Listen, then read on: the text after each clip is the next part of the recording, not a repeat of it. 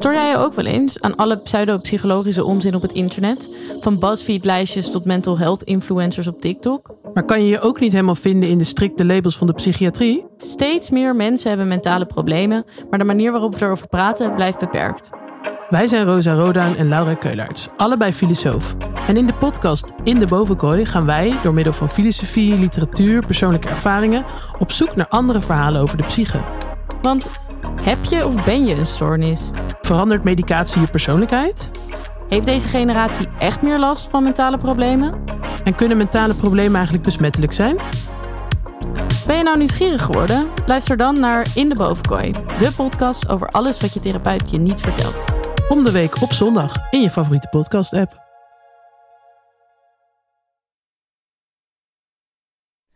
Felix en Sophie.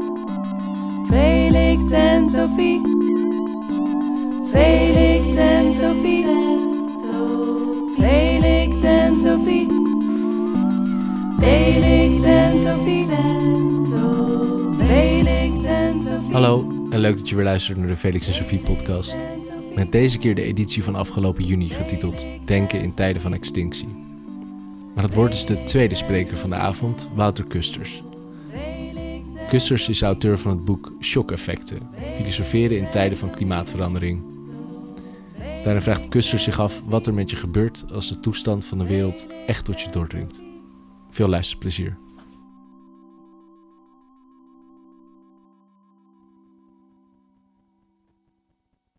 There is a high probability that human civilization ends by the year 2050. The climate crisis now represents an existential threat to us.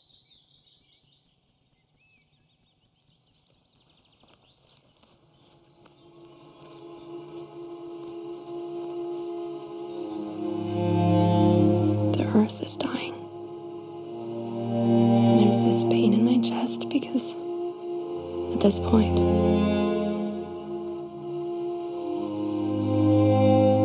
there's nothing we can do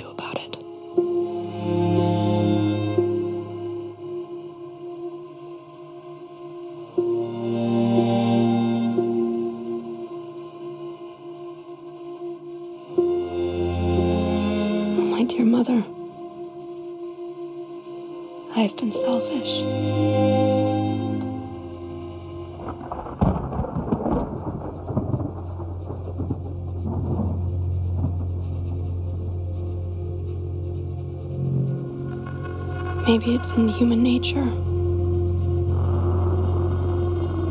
to be self destructive.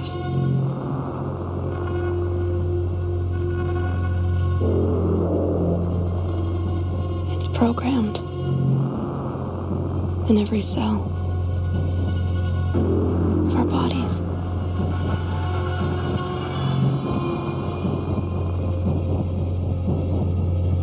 We live in a strange world. Lives are stretched out ahead of us. I am a trembling soul, living in the shadows, just here for a brief moment.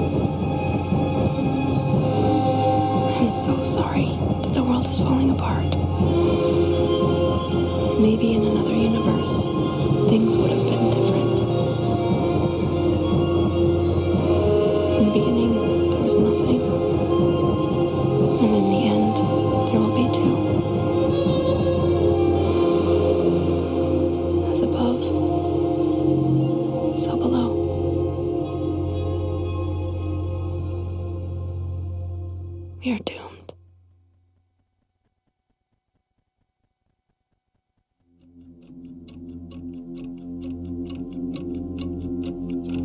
World is currently on a path to the end of human civilization and modern society as we have known it.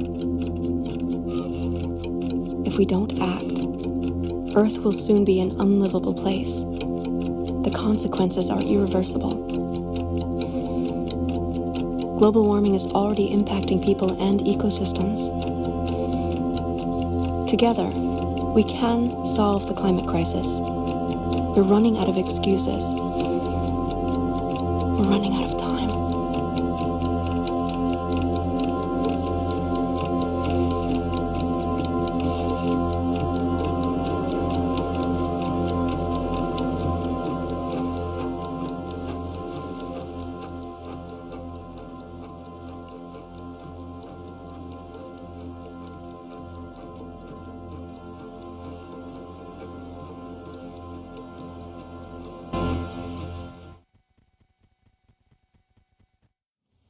Ja, wat kan ik daar nou nog aan toevoegen? Hè? Na Lisa's eh, mooie en indringende verhaal en de drie paletten van drie soorten openingen vanuit de, de normale alledaagse wereld naar een eh, eh, dieper bewustzijn van de misschien naderende apocalyps of klimaatcrisis of ecologische destructie. Ehm, nou, dit was natuurlijk een filmpje, hè? En het heeft natuurlijk eh, kracht, emotionele kracht en beelden die eh, dringen goed tot ons door. Eh, ja, wij filosofen moeten het van woorden hebben, tenzij we natuurlijk begeleiden met plaatjes. Dus ik zal me nu ook behelpen met woorden, want dat, dat is het enige wat we zo om ons heen kunnen werpen en hopen dat, dat, dat het ergens terecht komt. En we kunnen allerlei narratieven ontwikkelen en we kunnen allerlei ideeën ontwikkelen en dan hopen dat die, dat die steeds groter worden en dan, ehm, ja, zodat we steeds meer te weten komen over wat er gaat gebeuren in die apocalyps en in die, eh, in die eindtijd. Al die woorden die brengen ons steeds dichter naartoe. We omcirkelen het. En tegelijkertijd door al die woorden en ideeën en verhalen die we gebruiken, houden ze ons ook op veilige afstand. Want dan is het iets waar we over praten. En de gesprekken zelf, ja, die zijn, die zijn, nou, die zijn goed, want ze houden het op afstand. En ze zijn ook goed, want ze brengen het dichtbij. Dus er zit een soort paradoxaliteit in de, in de taal überhaupt om het hierover te hebben.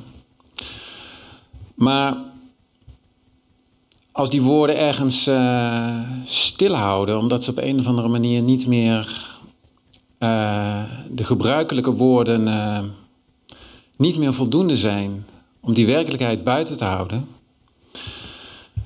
um, dan dringt er zich iets door in onze ervaringswereld en in onze, ons systeem om dingen te duiden waarvan je zou kunnen zeggen van ja, dat is de werkelijkheid. Dat is een, een, confrontatie met het werkelijke. Dat is een moment dat er iets door ons heen schiet en ons van ons stuk afbrengt. En nu kom ik eigenlijk op mijn andere visie op hoe dit soort dingen uh, werken dan Lisa. Want ja, Lisa had het over een soort, soort openingen. Dat, dat plaatsen of, of sferen of gebeurtenissen, dat daarin openingen zijn. En dat je daar doorheen zou kunnen gaan en dat daar een op zich al een wereld klaar ligt waar je iets zou kunnen verkennen. Um, terwijl, ja, ik begin mijn boek uh, op een andere manier, hoewel ik uiteindelijk bij verrassend veel van dezelfde dingen uitkom als Lisa.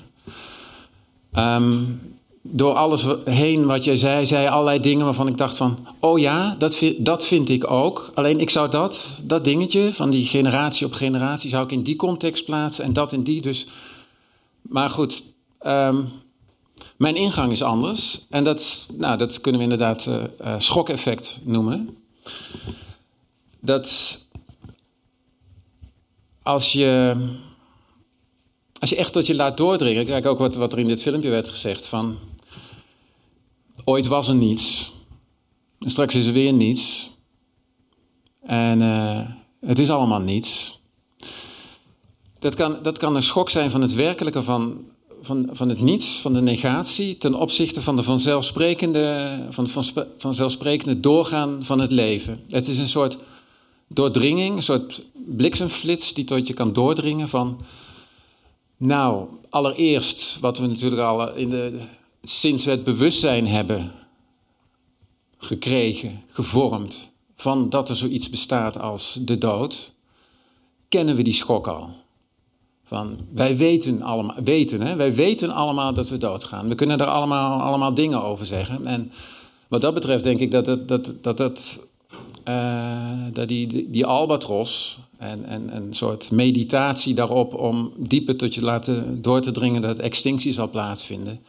Ja, dat zie ik in een, in een goede oude traditie van uh, katholieken, vooral in Spanje. Ik weet niet of jullie daar wel eens geweest zijn als je op vakantie gaat in Spanje. Dat, nu kan het nog, over een paar jaar is het misschien een no-go area, zou kunnen. Maar dan kom je, dan kom je wel eens in van die uh, kleine, bij, bij kerken, kathedralen, en van die knekelhuizen. Dus daar, daar zie je al die, die knekels en dat is, is dan niet van kleine albatrosjes, maar van mensen. Zie je die schedels, hè? dus de dood staat je aan. En dat bouwen ze om zich heen. Ze bouwen een soort bescherming om zich heen van, van de dood. Dus de dood biedt ook een soort bescherming om daarbinnen je eigen dood, ja, daarop te mediteren of iets dergelijks. Het lijkt alsof ik afdwaal, maar toch die schokeffecten. Ehm, ik, heb, ik ben zelf mijn boek aangegaan vanuit een duidelijk omschreven schokeffect. Namelijk dat ik, dat ik opeens dacht van, hé, hey, ik ga me toch eens eventjes wat verder verdiepen. In, uh, ja, binnenkort zijn er weer verkiezingen en dit en dat. En ik zie een artikel. Ik ga me gewoon wat verder verdiepen in die klimaatcrisis. En uh, 2014 inderdaad. En toen bleek het gewoon allemaal veel en veel erger te zijn dan je zo, zo in het algemeen hoort. Dus de voorspellingen over de toekomst, als alles inderdaad zo doorgaat als het gaat, die zijn, ja, die zijn onrustbarender. En dat geeft, dat geeft een schok. Die, die dood. Dat, dat mogelijk, dat de mensheid uitsterft, dat, ja, dat, geeft mij, dat geeft mij een schokeffect. Dat schokeffect is ook gewoon het trauma. Het, en over trauma, traumatheorie is explosief. Daar valt van alles en nog wat onder. In de psychologie en in de psychiatrie is dat, kan je zeggen van sommige mensen hebben het wel, want dit en dat. Of een echt trauma is alleen dit of dat. Ik, ik beschouw trauma als, in de oudere psychologie, dat je, je hebt een geboortetrauma. Dat eerst was je er niet, dan ben je er wel. Dat geeft een trauma. En je hebt een trauma door het bewustzijn van de dood. En je kan dat, je kan dat op een of andere manier. We kunnen erover praten, maar uiteindelijk die dood, dat, dat wringt zich overal doorheen. Um, nou, het schokeffect van die, van die klimaatcrisis. Um, ja, daar zit, daar zit ook een hele rare. Er is een hele rare beweging in, vind ik. Dat, um, kijk, die, die extinctie, daar kunnen we nog over een beetje over. Daar kunnen we wel, daar kunnen we gewoon leuk over filosoferen. Tenminste, ja. Ik denk van ja, extinctie. Dat is in ieder geval nog een soort iets wat mogelijk is, maar wat we eventueel kunnen vermijden. Door, door nu allemaal heel anders te doen, dan vindt er geen extinctie plaats. En door die gedachte maar overeind te houden dat die extinctie niet plaatsvindt en heel erg je, je, je energie te stoppen in manieren om ervoor te zorgen dat die extinctie niet plaatsvindt, um, los je een bepaald vraagstuk van de dood op, lijkt het. Hè? Dus dan, dan gaat het over dat je een soort tijdspannen voor jezelf hebt. Je leeft zo in de tijd. Eigenlijk ja, nou ja, in de tijd. Ja, we leven in de tijd, maar op welk punt we in de tijd lopen zitten is niet helemaal duidelijk. Hè? Leven in het heden of in een soort uitgestrekt heden? Of hoe ver strekt dat heden zich uit naar de toekomst? Wat is onder ons bereiken? Wat kunnen we met ons denken bereiken? Wat kunnen we, datgene wat we denken, in hoeverre kunnen we dat ervaren? Maar in ieder geval, als we ons zo als mensen zo geworpen voelen in de tijd, hebben we een soort voorgevoel en ideeën ontwikkeld op basis van allerlei berichten die we krijgen, van dat, dat de mensheid gaat uitsterven, dan geeft dat heel veel energie om daar iets aan te doen. En ergens denken we, nou, als we dat nou oplossen, dan hebben we een soort van het eeuwige leven. En degene die ons tegenhouden, degene die ervoor zorgen dat die extinctie doorgaat, dat zijn de dat zijn de kwaaien die er eigenlijk voor zorgen dat wij niet echt kunnen leven. Terwijl, ja, straks hebben we die extinctie opgelost. Maar ja, dan gaan we toch, we gaan nog steeds allemaal dood. Het klinkt, klinkt een beetje banaal, maar het is voor mijn visie wel, wel essentieel. Dat, kijk, je hebt het schokeffect, komt binnen. En um, ik, schrijf, ik schrijf dan over in mijn boek, ik zal het een beetje, een beetje samenvatten. Ik wil ook vooral naar het derde deel. In het eerste deel beschrijf ik allerlei. Waar lijkt dat schokeffect nou op? Hè? Wat voor verandering brengt het teweeg? Dat wij nu allemaal zo bekend zijn met de klimaatcatastrofes die gaan komen. Wat voor verandering is dat? Is dat een verandering in ons wereldbeeld? Ja, misschien. Is dat een, is dat een paradigmaverandering? Dat we eerst op een hele andere manier keken naar de wereld? Is dat een uh, is alleen maar een verandering van wetenschappelijke theorieën? Nou, dat, dat onderzoek ik zo. Wat is die schok? Wat zijn gewoonlijk nou schokken? En wat gebeurt er precies in een schok? Nou, dan in ieder geval. Je moet hem maar lezen als je dat wil weten. Maar in ieder geval, dus een schok heeft ook uh, effecten. En die beschrijf ik in een tweede deel. En dan noem ik uh, drie effecten: trauma, angst en depressie. Of misschien beter kan je dat noemen melancholie, inderdaad. Um, nou, dit, het traumatische effect ehm, dat blijft keer op keer ons bezighouden, omdat we kunnen er niet over uit dat we doodgaan. Maar dat, dat trauma, dat heeft. ehm, kijk, uit een trauma, je kan dat wegstoppen. Hè? We, stoppen dat sowieso heel vaak weg. Dat moet ook, zodat we niet fragmenteren, uit elkaar vallen van ontzetting en perplexiteit over dat we in de eeuwigheid gesproken dood zijn. In contrast met dat we nu levend zijn. Dat is een ondraaglijk besef. En dat zit ook op die, op die extinctie. Als je aanneemt dat het al is gebeurd, dan als je dat consequent doordenkt en tot je ervaring laat doordringen, dan is het hele project van het verwerven van kennis en meer inzicht, het hele project van de verlichting, dwaal nu een beetje af, maar dan is verlichting en filosofie is uiteindelijk een extinctieproject. Maar goed, dat is misschien een wat alternatieve these die door onze grote Rebraché tot in eh, de finesses is eh, doordacht. Dat mochten we al de klimaatcrisis overleven, de extinctie komt wel. Dan, dan ontploft de zon. En dan kunnen we ons nog intellectueel op een transhumanistische manier tot een hogere intelligentie verheffen. En dan, maar uiteindelijk is alles voorbij. Tenminste, Rebragé in zijn Extinction and Enlightenment, nihil unbound, nihilisme consequent doorgedacht, nihilisme als project van de verlichting, ehm, die baseert zich uiteindelijk wel ook op wetenschappelijke theorieën van dit moment. Dus hij en dat, dat zijn de natuurkundige theorieën van dat moment. Dus hij baseert zich op dat soort wetenschap. En dan weet ik dat het uiteindelijk ophoudt met het heelal. Nou, daar hebben we het vanavond niet over. We hebben het over een veel eenvoudige extinctie. Gewoon hier op aarde en gewoon van één natuurlijke soort, de mens. Dus even terug daar naartoe. Ik moet niet al, al te lang. Ehm, nou, dat trauma dat heeft dus dat heeft verschillende eh, effecten. En het, het zijn ook verschillende soorten trauma's. Hè? Trauma. En do- door trauma's word je gefixeerd. Dat zijn een soort fixatiepunten in je bewustzijn. Waar je steeds naartoe terugkeert en waar je steeds omheen draait. Nou, een modern trauma is dat van de klimaatcrisis, van die extinctie. Ja, ergens tussen 2050 en 2100. De trauma van onze eigen dood, ja, dat kunnen we niet goed plaatsen op de tijdlijn, gelukkig. Hè? Ehm, als dat trauma openbreekt en je wil er iets mee doen, dan krijg je, zoals bij alle trauma's, komen er een aantal negatieve eh, effecten los. Eh, angst, depressie, woede en ook moderne traumatheorie, theorie van de morele verwonding. Niet alleen maar dat soort lichamelijk, psychische, individuele effecten, maar ook effecten op sociaal niveau. Effecten van schuld en effecten van schaamte. Dus trauma's, mensen die trauma's meemaken, is niet alleen maar dat ze moeten worden uh, hersteld door een of andere traumatherapie, maar, en dan weer, hopsakee, terug de oorlog in.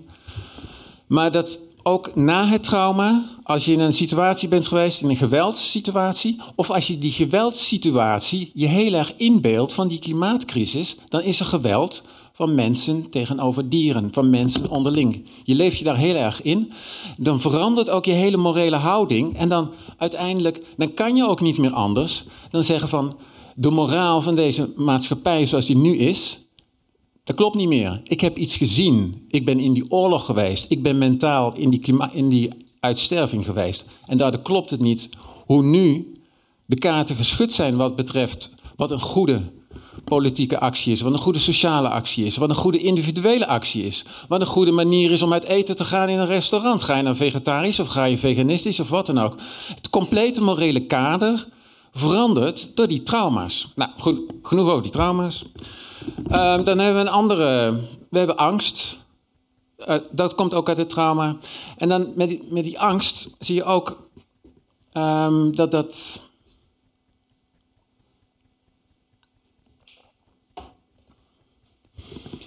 Dat de rol van tijd essentieel is.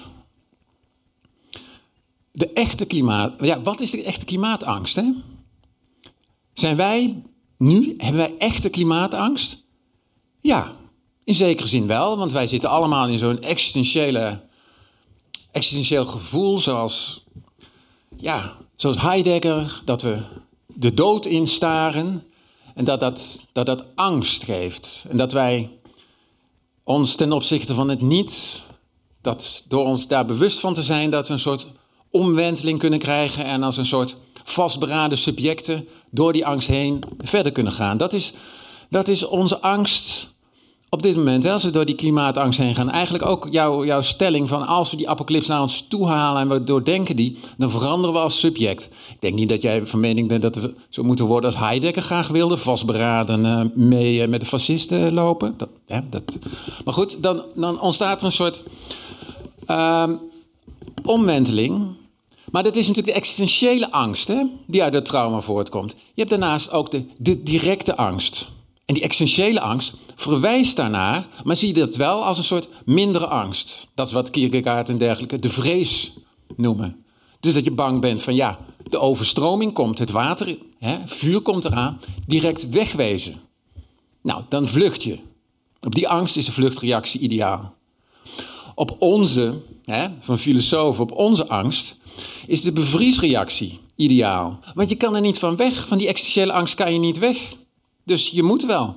Van die extinctieangst. Je kan er niet van weg. Jij kan op de A12 van liggen. Net alsof het daarna is opgelost. Nog even goed is die extinctie er. Dus met die angst, die existentiële angst, moet je iets. Um, en dat wordt vaak vergeten. Dat is mijn ja, kleine kritiek op uh, uh, Extinction Rebellion. Dat, dat, ze, dat ze vooral in, die, in, in een tussenangst zitten. Niet de directe angst, niet steun geven aan de brandweer en de politie die al die mensen uit een brandend huis moeten halen en de overstromingen moeten zorgen. Uh, en dat ze die, die angst van het bevriezen, die existentiële angst, dat vinden ze gezeur. Dat doen die filosofen, die moeten in actie komen. Maar ze, ze zitten eigenlijk op, op een soort tussenniveau.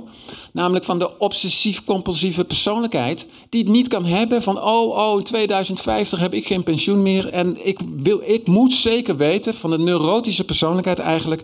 Die een soort garantie wil van zijn eigen subjectiviteit. Dat het als het maar doorgaat, zoals het gaat en dat hij nog steeds kan leven van zijn pensioentje kan genieten in het jaar 2050. Dat soort vasthouden aan zekerheden en terug door neurotische afweer uh, je, ja, die A12 opgaan en dan weer in een, een of ander narratief geloven alsof dat narratief over het kapitalisme je kan redden. En nooit een keer door die neurotische afweer heen breken en het moment van ommedraai vinden in, de echte, in het echte trauma van de psychose. Ik heb gezegd. Um, dus, nou, dat uh, trauma, depressie, melancholie ga ik het niet over hebben. Want dat is, dat is de toestand, en daar ben ik helemaal met Lisa eens. Melancholie, ja, dat, dat is onze toestand. Daar draaien we op uit. En um, kijk, ik heb het nu eigenlijk over die psychische effecten gehad. Maar.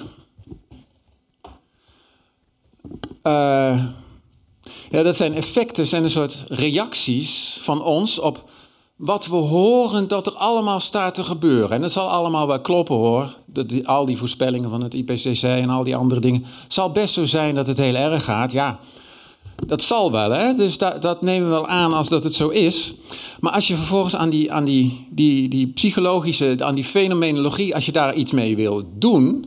Dus als je die, die, die angst en die depressie, als je die wil uitleven Behalve bevriezen, hè, dat moet, bevriezen, existentieel niveau, lekker filosoferen. Maar als je het wil, wil uitleven en je wil, je wil handelen, dan moet je toch gewoon nagaan wat de concrete situatie is op dit moment en hoe het is ontstaan.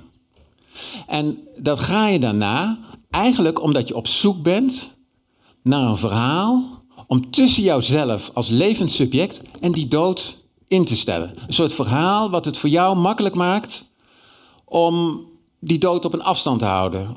Om niet. Uh, kijk, Latour zegt: van ecologie word je gek. Onomstotelijk, daar kunnen we niet omheen. Dat zegt Latour. Bernard Stiegler zegt: comment pas devenir fou? Hoe worden we niet gek? Nou, dat is een soort, soort tweestrijd van moeten we de waanzin vermijden? Zoals eigenlijk Stiegler zegt onderzoek hoe dat zit. Of moeten we door die waanzin heen, zoals Latour zegt? Nou, ik weet het niet precies. Um, ik denk dat voor allebei wel wat te zeggen valt. Ieder zijn eigen pad. Um, maar wat in ieder geval nodig is, of je nou gek bent of niet gek bent, je, je moet tussen die dood en je eigen subjectiviteit moet je die narratieven zetten. En die narratieven, die gelden ook als een soort handelingsperspectieven. Dus dan ga je denken en dan ga je de situatie zoals er nu is onderzoeken. En dan kom je erachter van ja, waarom is het zo'n klote zooi? Waarom gaat alles naar de kloten? Shell, BP, Tata Steel, ik ga daar demonstreren. En dan heb je één bepaald soort narratief van, van dat de fossiele industrie het heeft gedaan. Dat is andere dan van het kapitalisme, hè?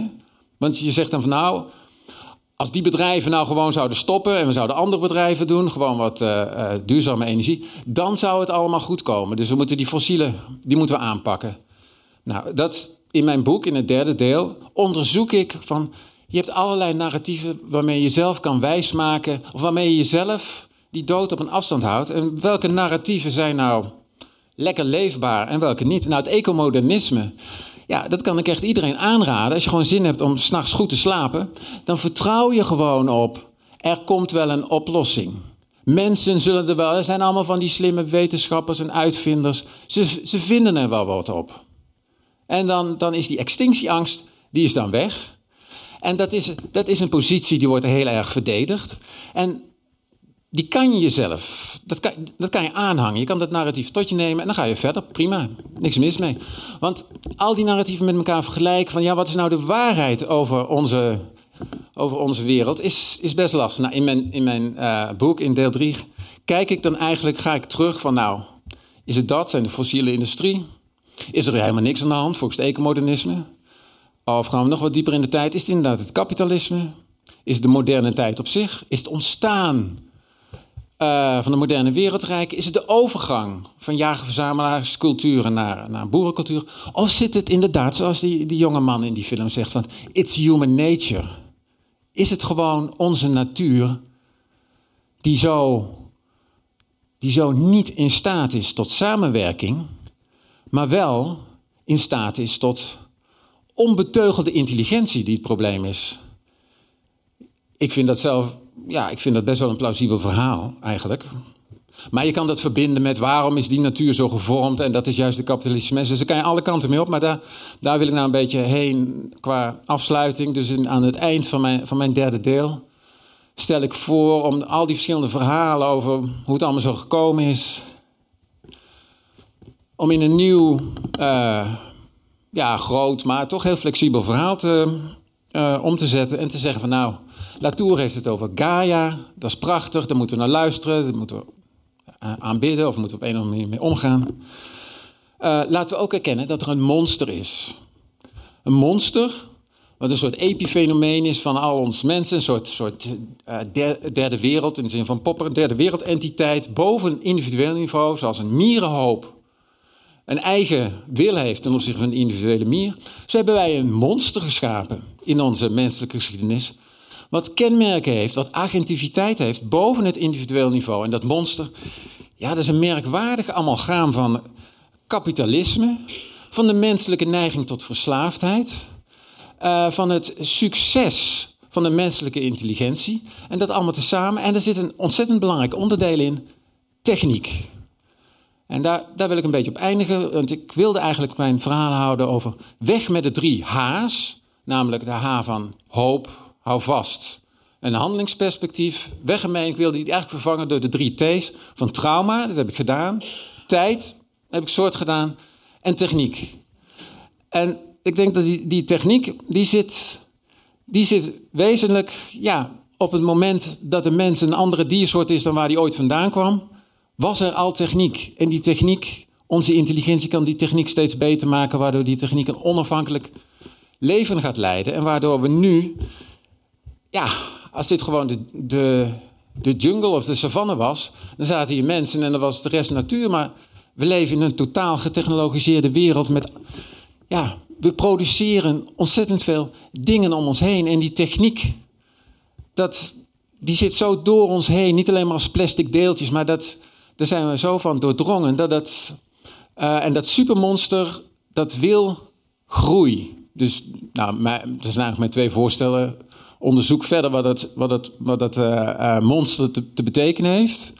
Op politiek-geografisch niveau en op individueel niveau. Het, het is ook afhankelijk van dat monster groeit ook door onze verslavingen. Verslavingen aan gewoontes, verslavingen aan prikkels, verslavingen aan energieomzettingen, verslavingen aan snelheid. En het liefst ook nog versnelling, om maar zoveel mogelijk energie om te zetten. En dat, komt, dat, en dat wordt natuurlijk allemaal gevoed door die concrete energie van de fossiele energie. Nou, fossiele energieverbranding, uh, kapitalisme, technologie heeft een monster geschapen waar wij ons toe moeten verhouden, wat we, ja, wat we niet kunnen bedwingen. Want, want dat monster, dat zijn wij tegelijkertijd zelf als dat, als dat het buiten ons staat. En in meer uh, christelijke tradities zou je zeggen van ja, dat is het kwaad. En het kwaad zit in de mens, maar het is ook een, het kwaad dat wij kennen buiten ons.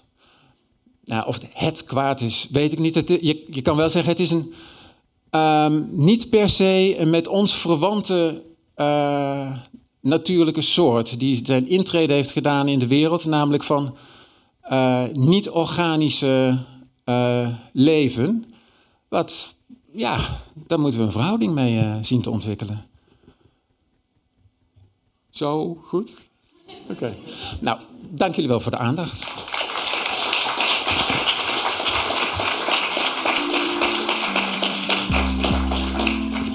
Deze opname werd gemaakt in de theaterzaal van Boekhandel Perdu op de Kloveniersburgwal in Amsterdam. Wil je ook een keer een editie bijwonen? Dat kan. Iedere derde dinsdag van de maand zijn we terug met een nieuwe editie. Kijk in de show notes voor tickets en informatie.